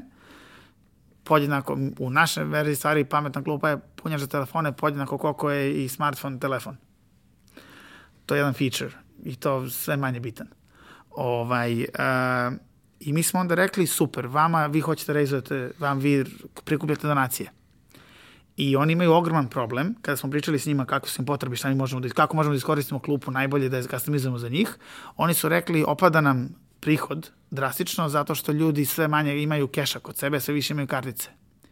I oni, kada oni, oni njihove i oni volonteri stoje i zeckaju da im ubaciš neki dinarčić unutra, odnosno funtu, ovaj, to se sve manje dešava. Nešto ljudi neće daju nego što nemaju, nemaju sa sobom keš. Da, prosto drugačije. Drugačije odlazi, tehnologija odlazi, jel? I onda smo mi rekli, super, ajde da ugradimo uh, te terminale za beskontaktne, beskontaktno plaćanje na klupe. Opet na, je bio time frame, je bio neki, mislim da smo za mesec dana sve to uspeli da, da napravimo i instaliramo i lansiramo. Ovaj, uh, I mi smo, ugrad, mi smo lancirali tu mrežu, oni su naravno imali branding, imali su neki SMS donaciju, ali imali su, dodali smo contactless payment modul gde svako ko je hteo je mogo da tapne na klupu, ne na celu klupu, nego na mesto predviđeno koje je bilo naravno označeno time, i da kao tap to donate 2 pounds to cancer research. Tapni da bi donirao dve funte cancer research. I to je bio fanta to je bio ogroman hit, to je ono završilo po svim tamo televizijama njihovim, dobili smo fantastičnu, ovaj, jer je bila inovativno korišćenje nečega što nikom nije ranije palo na pamet. Ovaj, I to je recimo bio, a nama je bila to fantastična demonstracija da stvarno pokažemo da klupa, pametna klupa kao tehnološki uređaj može da bude mnogo više od toga što bi čovjek pomislio originalno.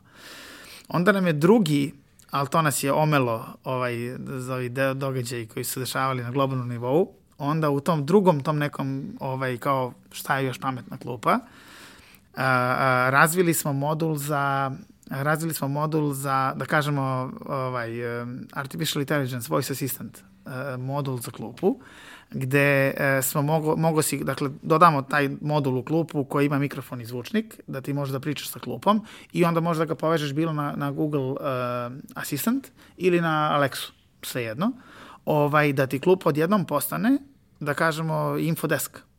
Dakle, ono, 24 sata dostupan, lokalni vodič, infodesk, da ti možeš otići do klupe i pitati šta god ti treba.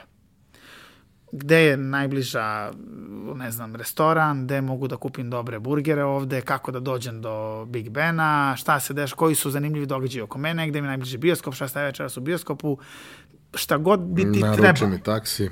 Naruči mi taksi ovaj, i, i da klupa bukvalno postane, dobije tu još jednu dimenziju onoga što smo, ako se malo pre rekli, ovaj, dakle, e, energija, konektivnost i relevantna lokalne informacije. Jer klupa zna gde je. I to je fantastično veliki, to je tako banalna stvar, ali tako fantastično veliki potencijal. Jer ti onda kada dođeš do klupe, bez da se ti kod nas, da se registruješ, mi ne moramo znati da si ti Ivan, ali mi znamo da, je, da si ti na, u tom momentu na toj geografskoj lokaciji i možemo ti ponudimo popuste na lokalne restorane, možemo da ti ponudimo ono, super turističke atrakcije u blizini, možemo da ponudimo šta hoćeš. Jako je, i to bez da ti isto uradiš. I to je veliki potencijal. I to smo krenuli u pripremu. Naravno, sad to morali smo pregovaramo sa opštinama, dobijemo dozvoli. Krenuli smo u pripremu toga da to lansiramo u Londonu i onda se desi Cambridge Analytica i sav onaj problem oko privacy-a i misusa i tako dalje I naravno, ovaj, opština odmah kažu, ček, ček, polako, timing, timing opet nije dobar, ovaj, jer samo još fali da se ljudi stripuju, da ih sad klupe prisluškuju, da klupe će još ne znam šta da ti rade, na svu tu frku koja je tamo bila. I bukvalno smo samo parkirali. Ovaj, nam je tehnologija razvijena, ovaj, do duša za englesko, naravno, govorno područje, samo smo parkirali to da sačeka malo, da se smire strasti oko toga, tako da, ovaj, a, a, a, I meni je, mislim, naravno imamo celokupan product, product roadmap i meni je teško da, ovaj, e, da predvidim šta sve još može biti a, ovaj, dodatak na klubu.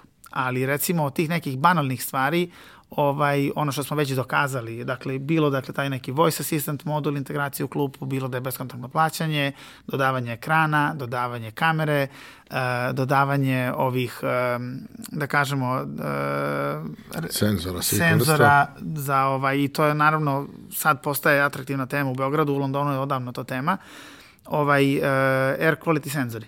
I mi smo, verovo, trenutno smo druga najveća air quality mreža u Londonu Strawberry je trenutno druga najveća quality mreža u Londonu, samo je King's College veći od nas i to nešto malo. Ovaj, jer svaka klupa, sve klupe u Londonu kada smo dizajnirali, to je postao treći standardan feature. Klupa, pored od tehnoloških, naravno, mogućnosti, pametna klupa ima punjenje, na različite, na, i, bez, i bezkontaktno, i USB, i, i ovaj kabliće, ima i besplatno Wi-Fi, i ima air quality senzore, koji mere taj u tom, dakle, u lokalu. Ono što je jedino, jedino važno zapravo. Ovaj, temperatura je globalni faktor. Tebi je u Beogradu 14 stepeni manje više u celom Beogradu. I nebitno da li je 13 ili 15. Ovaj, ali kvalitet vazduha je super lokalni. I, i a, potpuno je tebi nebitno kakav je kvalitet vazduha na Košutnjaku ako ti živiš u Novom Beogradu.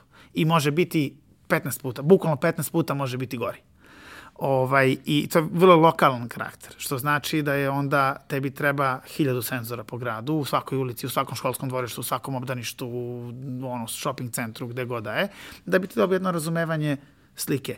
I onda smo mi shvatili da je klupa fantastičan medijum, da, da, da ima u sebi air quality senzore, ima ono što nam treba, to su, ima energiju, da se napajaju senzori i ima connectivity da možeš šalješ podatke nazad. Ovaj, i, I onda smo, dakle, samo prateći tu nešu, na, našu viziju, opet, ono, kao pametnog tehnološkog huba, ovaj, dodali smo kao standardan feature.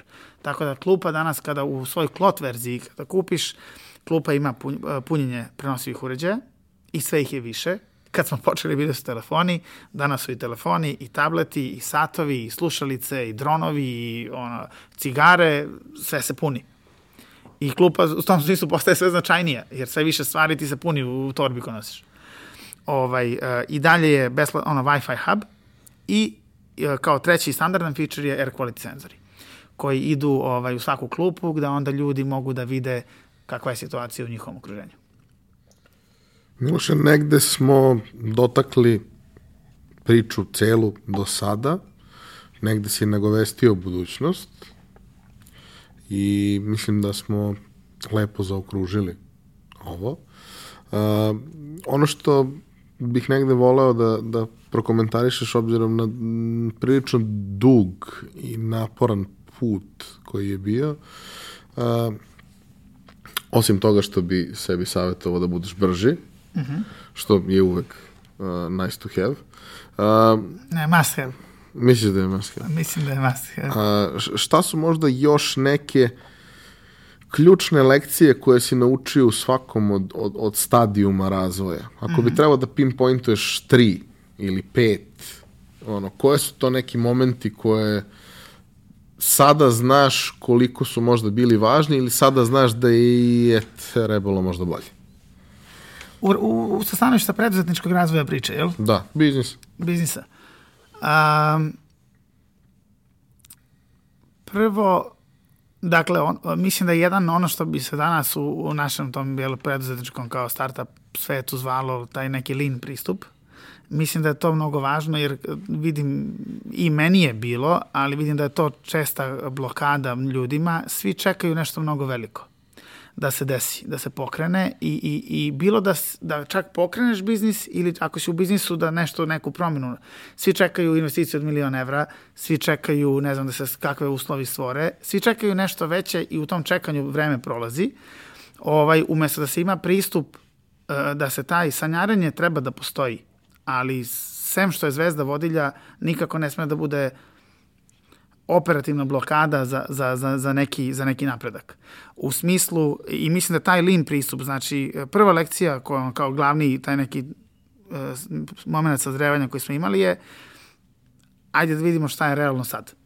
I to je mnogo važno. Znači mi sada nemamo 100 miliona evra, nego imamo 30.000 evra na računu, šta možemo da uradimo s 30.000 evra? I kako da, šta možemo najbolje da uradimo s tim, odma sada, da nas dogura do neke naredne tačke, pa da onda tu kada budemo imali 50.000 vidimo kako ćemo, pa onda kad budemo imali 100.000, pa 500.000, pa milion. Ovaj, to bi bio jedna, na primjer, lekcija tog pristupa, to što kažem, da se ne gubi vreme, nego da se radi što može da se radi odmah. Ovaj, tu smo, čini mi se, i mi isto jako puno vremena izgubili čekajući, ne znam šta čekajući. Ovaj, ne znam, ja, iz ja ne znam zašto nama trebalo četiri godine da mi od, recimo, drveta kao proizvoda koji je fantastično, ja ga i dalje volim jer je teatralno jako lepo izgleda, ali je fantastično neskalabilan proizvod. Šta nam je trebalo četiri godine da od toga shvatimo da mora da bude mali, jednost, jeftini, jednostavan proizvod koji može svakaš u kutiju i pošliš u Australiju.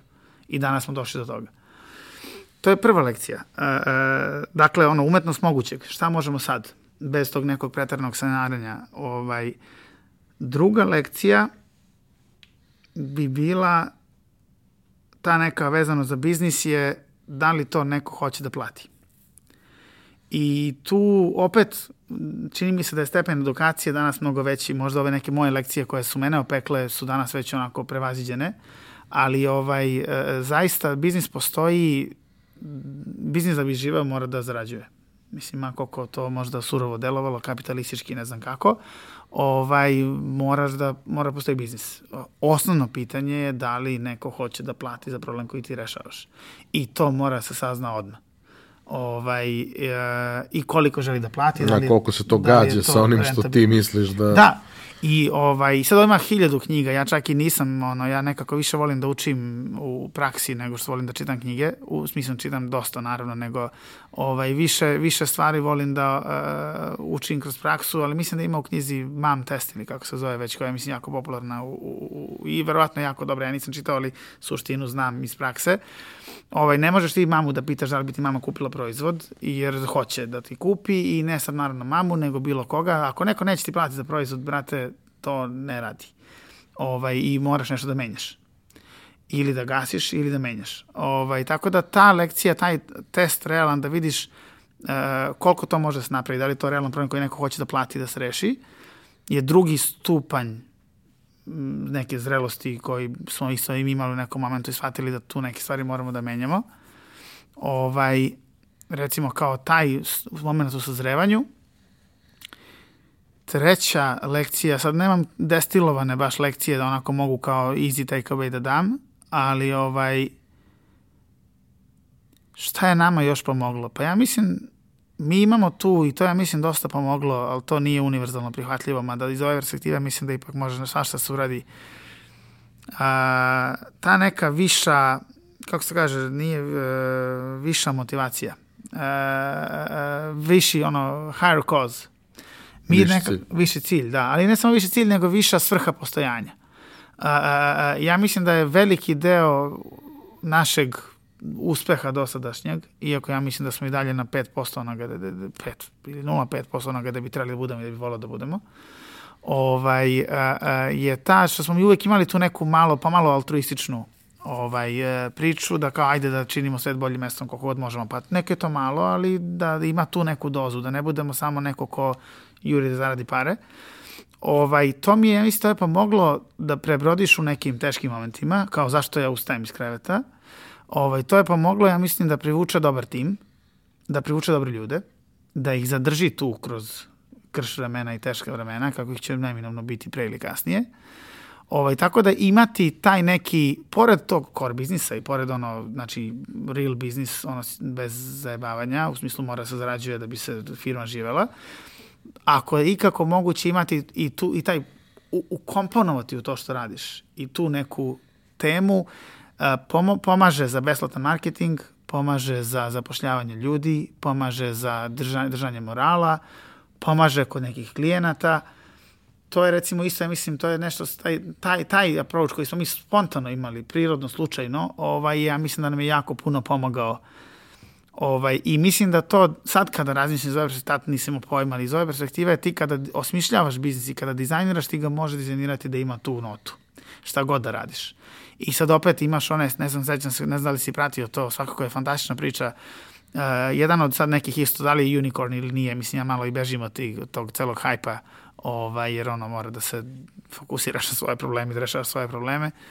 Ovaj, mislim da je jedan od tih kao super uspešnih kompanija koja prodaje, čini mi se da li čarape prodaje kvalitetne čarape. Neko se setio ovaj, da, da pravi lepe, kvalitetne, lepo dizajnirane čarape i postali sam, mislim, čak i ono, milijarderska kompanija. A, isto startup je, mislim, postoji možda od pre 4-5 godina i već su dostigli te velike nivoje i mislim da im je jedna nota bila za svake kupljene čarape, čarape su skupe, umesto 3 dolara ili 5 dolara koštaju tipa 20 ili šta god.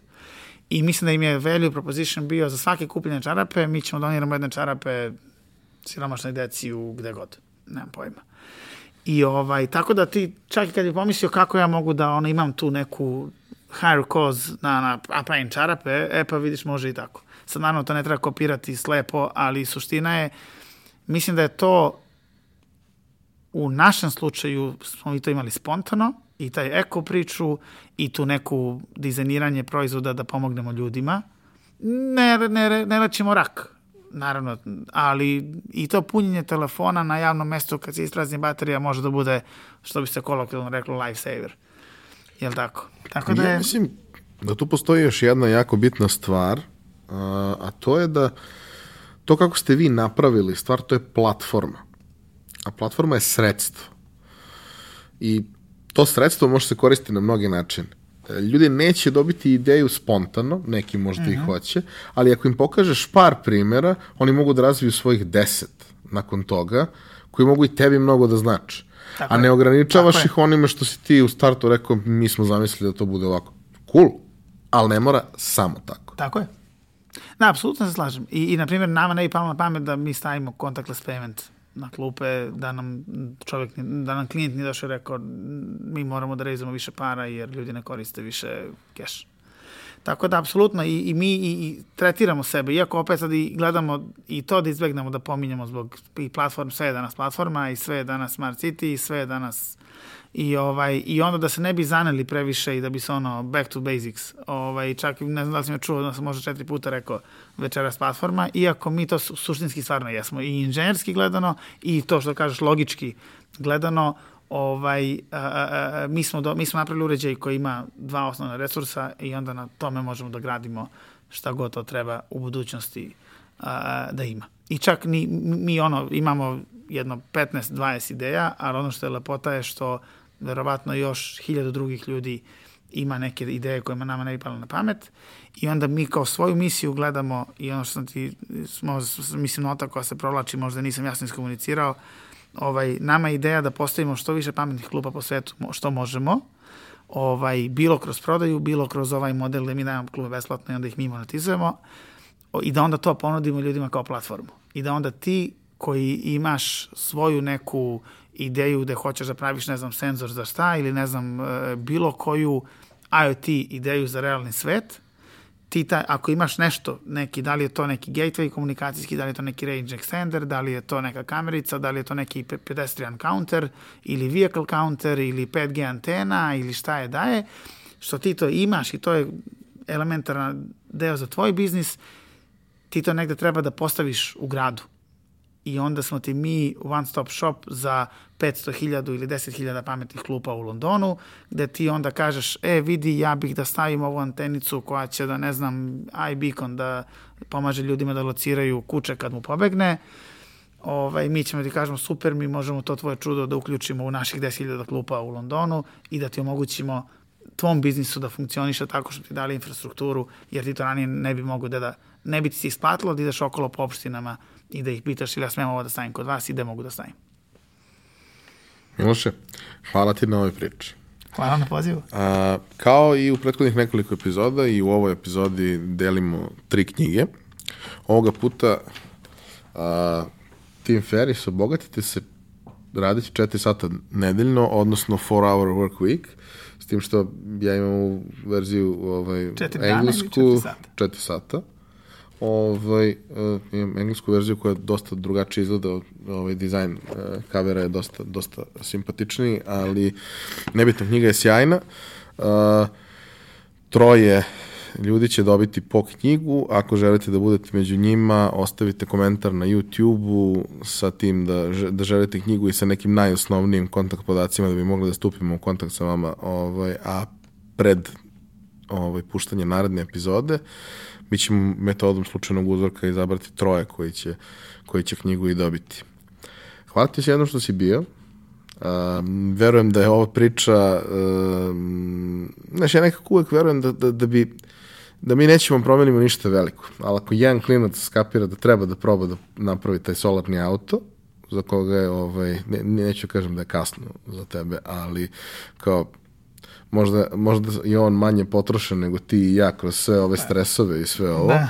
Ovaj, a i, ono, ima malo više vremena možda tog nekog najproduktivnijeg dela svog života, tako da jedno po jedno dete, jedan po jedan čovjek, mislim da možemo da napravimo veliku razliku. Apsolutno. Jednu po jednu klupu u krajnjoj liniji u svom Tako slučaju. je, da, apsolutno, sad, stvarno se slažem. I ovaj, mi smo sad imali kao, ovaj, nisam se puno osvrtao na konkretne stvari koje radimo, ali ovaj, imali smo isti rezon i zaista se trudim, uvek razmišljam o tome u Srbiji koji smo bili malo i zapostavili business wise gledano, ovaj, imali smo par nekih zanimljivih projekata i jedan koji mi je jako drag, baš zbog toga što si rekao i to je nešto što te ono na kraju dana i tera da ustaneš ujutru a, dobili smo u saradnji sa Ministarstvom prosvete, dobili smo 100 lokacija da, u 100 osnovnih škola da postavimo po ovu najnoviju malu klubu E, naravno, idemo uvek na taj model da to ne trošimo javne novce, nego da to neki kompanije i privatni brendovi neki to odrade,